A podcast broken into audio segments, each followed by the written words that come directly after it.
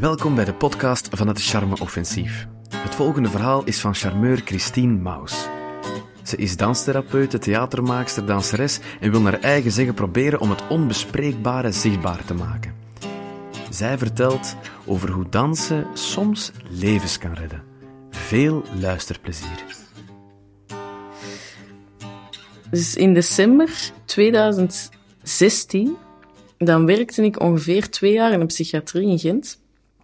Um, en ik werkte daar als dans- en bewegingstherapeute. En de doelgroep die we daar hadden waren mensen met uh, angst- en stemmingstoornis, persoonlijkheidsstoornissen en autisme. Heel leuke doelgroep, heel verscheiden. Um, maar ook wel vermoeiend. Je moet je goed kunnen beschermen voor alle energieën die daar binnenkomen. En ik heb toen beslist, ergens begin november, om op ontslag te gaan. Omdat het allemaal ja, een beetje te veel werd eigenlijk voor mij.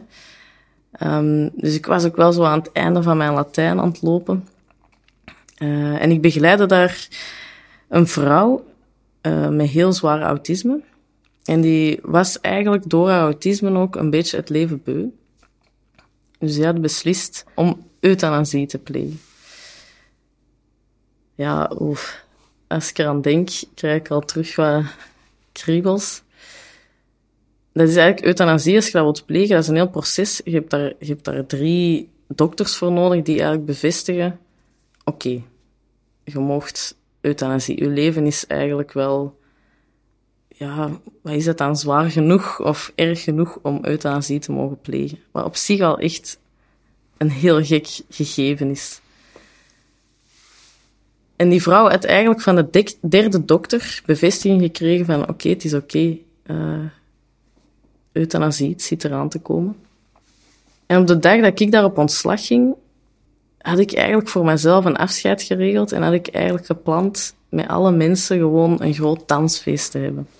En ja, dat, dat was heel leuk. Dat was, ik herinner me nog dat we in die danszaal en dan hadden we zo wat van die disco-lichtjes aangezet en dan cake gemaakt en dan en van die typische goede oldschool jaren tachtig muziek en zo. Um, en die vrouw was er ook.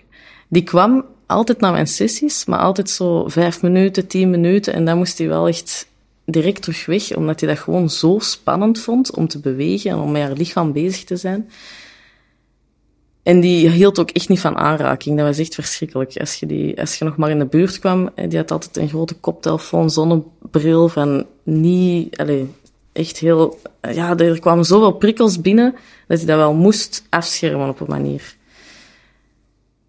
En die vrouw was er dus ook. En op het einde, het allerlaatste liedje, was eentje van Xavier Ruud.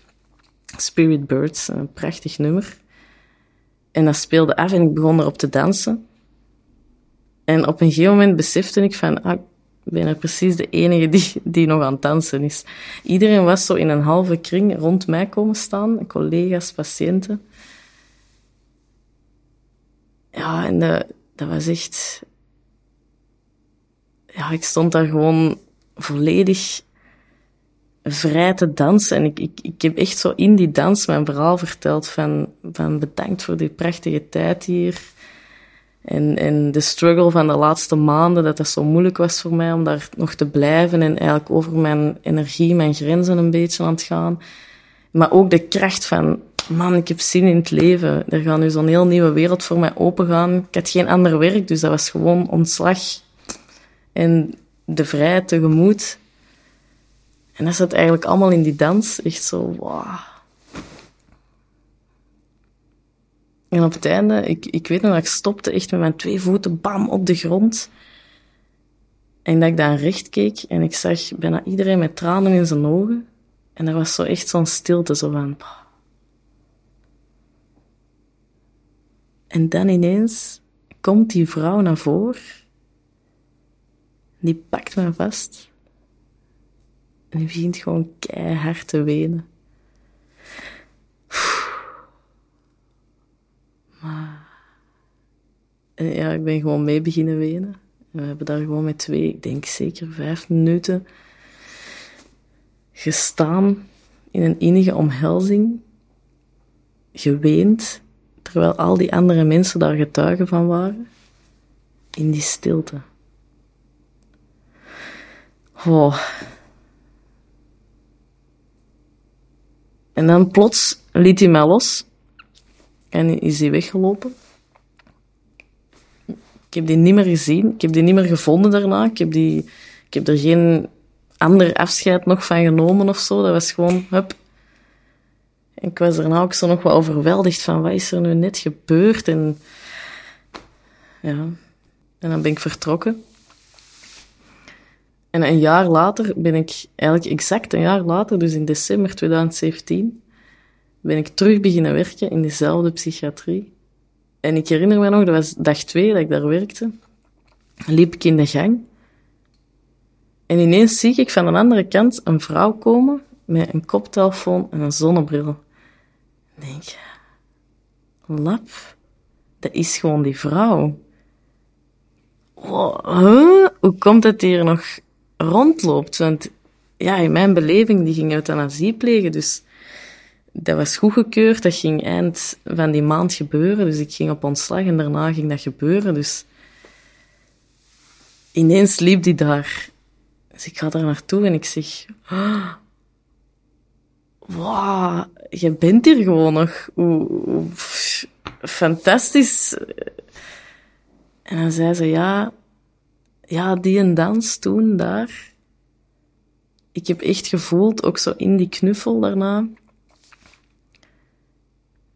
die levensvreugde en die levenslust om zo te willen leven en te willen doordoen. En, en dat heeft gewoon mijn ogen geopend van ik wil eigenlijk wel nog een leven hebben. Die is dan ook op reis gegaan daarna. Die heeft dan gevoeld van, wauw, op reis. Ik kan dat eigenlijk nog, fantastisch. Dat ging dan zo'n afscheidsreis zijn. Maar dan heeft hij toch beslist van nee, ik wil, ik wil gewoon nog leven. Ja, en het feit dat ze dan ook de tijd kreeg in de psychiatrie nog om te zijn en om dat, daar te doorlopen, dat proces, en hulp te krijgen van iedereen, heeft er dan echt voor gezorgd dat hij er vandaag de dag nog steeds rondloopt. Um, en dat hij zelfs, een, uh, dat is nog maar een paar maanden geleden, tegen mij ook zei van, maar eigenlijk zou ik heel graag individuele dans- en bewegingstherapie bij u volgen. En ben ik er precies klaar voor om ja, individueel met beweging aan de slag te gaan en met, met haar lichaam, wat dat super spannend was voor haar. Dus ja. En het zotste is dat ik ooit gevraagd ben geweest door twee vrienden ook. En die vroegen aan mij, wat is voor u liefde? En dacht, wow, wat een vraag. Wat is liefde? En meteen kwam dat moment binnen bij mij. Ja, dat moment daar, die dans, en dan die vrouw die naar voren stapt, mij vastpakt en begint te wenen, dat was voor mij liefde.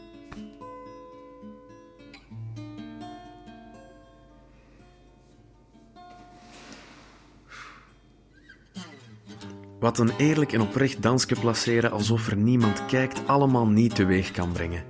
Als je in contact wilt komen met Christine, dan kan je haar gegevens terugvinden op onze website. Ten slotte stelden we haar nog één vraag. Zo. Het collectief heet het Charme Offensief en niet Charme Defensief. Waarin en op welke vlakken voert jij uw strijd? Mooie vraag. Weet niet of ik echt een strijd voer. Maar ik heb wel een, een, een idee. Alleen mijn, mijn, mijn doel zo is wel. Uh, ja, dat, er meer, dat we meer verbonden zijn met elkaar. Of dat ik geloof echt dat alles één geheel zijn, dat we allemaal één zijn.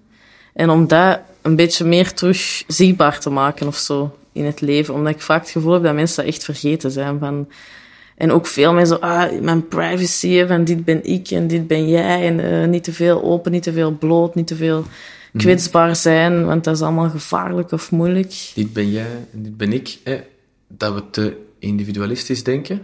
Of? Ja, op een manier wel. Alleen voor mij, hè, van, mhm. van ja, ja. Natuurlijk is het ook belangrijk dat je je op een manier beschermt, ook in energie. Dat je niet gewoon, wat ik vroeger altijd deed, op, en dan was ik helemaal kapot thuis van ik heb geen energie meer, want ik heb alles weggegeven. Dus er is wel, heb ik ook al wel geleerd, een zekere manier van, Ja, ja, ook een beetje uw eigen te... ja, om toch een beetje nog wat te beschermen of zo Ja. op een manier. Ehm, maar ik hou wel zo van dat, van dat samenleven, dat, dat iedereen is welkom en je Mm. kunt van elkaar zoveel leren en zoveel... Iedereen heeft andere talenten. Je moet Dus- wel luisteren. Wat blieft? Je moet wel luisteren naar elkaar. Ehm, Toch? je moogt luisteren naar elkaar. Maar niks moet. Dat klopt, niks moet. Je moogt luisteren naar elkaar, maar vooral naar jezelf. Allee, vind ik ook wel. Want ik, allee, ik geloof heel hard, als we meer naar ons eigen lijf zouden luisteren, Ja. en meer zouden voelen wat er goed voelt, en daarop zouden verder flowen, ehm, dan, dan, dan kun je ook veel meer met elkaar samenwerken en samen zijn. Allee, dan doe je, als je niet meer van alles doet dat over al je grenzen gaat, en van, ah ja, die verwacht dat nu van mij, en die verwacht deze, en ik moet nu dat doen, en ik moet nu deze doen. En, En eigenlijk- verwrongen. ja, En dan... hoe doe je dat naar je eigen lijf luisteren? Ja, ten eerste al door... Ja, voor mij, voor mij dat, maar ik denk dat dat voor iedereen ook heel persoonlijk is. Hè. Dus echt Ja. een zoektocht naar wat past er bij u, wat past er niet. Voor mij is dat heel hard door in beweging te gaan. Dus, dus elke morgen als ik opsta, ehm, dan, dan doe ik beweging. Ik zet een liedje op dat ik graag hoor en ik ga dansen. Ehm, en ook heel hard op de grond contact maken met mijn lijf. Dat echt voelen, gewoon letterlijk van, ah, dat hoort er gewoon bij. Hm? Ehm, en dan mediteren helpt voor mij heel hard ook. Dus eigenlijk gewoon in, voor mij mediteren is in stilte gaan, gaan zitten of in stilte bewegen. Want ik vind soms bewegen, ja, mediteren hoeft niet voor mij stilstaan te zijn. Nee. Ehm, en dan echt te luisteren naar van, oké, van wat voel ik nu? Hè? Dus een bodycheck van, ik voel mijn voeten, ik voel mijn knieën, ik voel mijn benen, ik voel mijn buik, mijn hoofd, alles. En op den duur weet ik welke signalen van mijn lijf wat willen zeggen eigenlijk. En hoe deelt je dat met de rest? Want dat is een ervaring die je denk ik wel zou kunnen delen. Ja, ten eerste probeer ik door mijn dans- en bewegingstherapie, eh, mijn werk, mensen daarin te inspireren. En tweede is door zelf dat gewoon te leven, zoveel mogelijk. Dus daar zoveel mogelijk eigenlijk over te delen en zo echt mogelijk te delen wat er in mij leeft eigenlijk. En hoe sneller ik dat doe, en hoe echter, hoe minder last ik ook, allee, hoe minder Ja. pijn ik ook heb in mijn lijf of zo. Dus gewoon delen. Ja, voor mij delen, delen, delen. En, eh, en ook wel, ja, spelen vind ik ook een belangrijk woord, omdat ik vind, eh, ja, alles kan, is zoveel leuker als het een spel is. Allee, je kunt dat zo, als je alles bekijkt als in, van, oh, misschien kunnen we dat zo eens proberen of zo. En spelen, dat woord alleen is voor mij ook een openheid en een flow en een, en een soort uitzoeken van, oh, misschien, als we zo doen, dan kunnen we dat eens proberen of wow, eh, Dat is van jeugdigheid, hè, dat dat er Ja, die kan s- insluipen. Hè. die dat je, dat niet, speelsheid, ja. je pakt dat wel serieus aan, maar wel op een... Een zachte manier, hè? meer eh, Ah. flowy. Ja, Ah, cool. ja. Zalig. Dank u. Jij merci. Bedankt om te luisteren. Check onze sociale kanalen en de website hetcharmeoffensief.be voor extra content. Dikke merci aan Christine en voor jullie nog een goede morgen, goede middag, goede avond en een goede dag.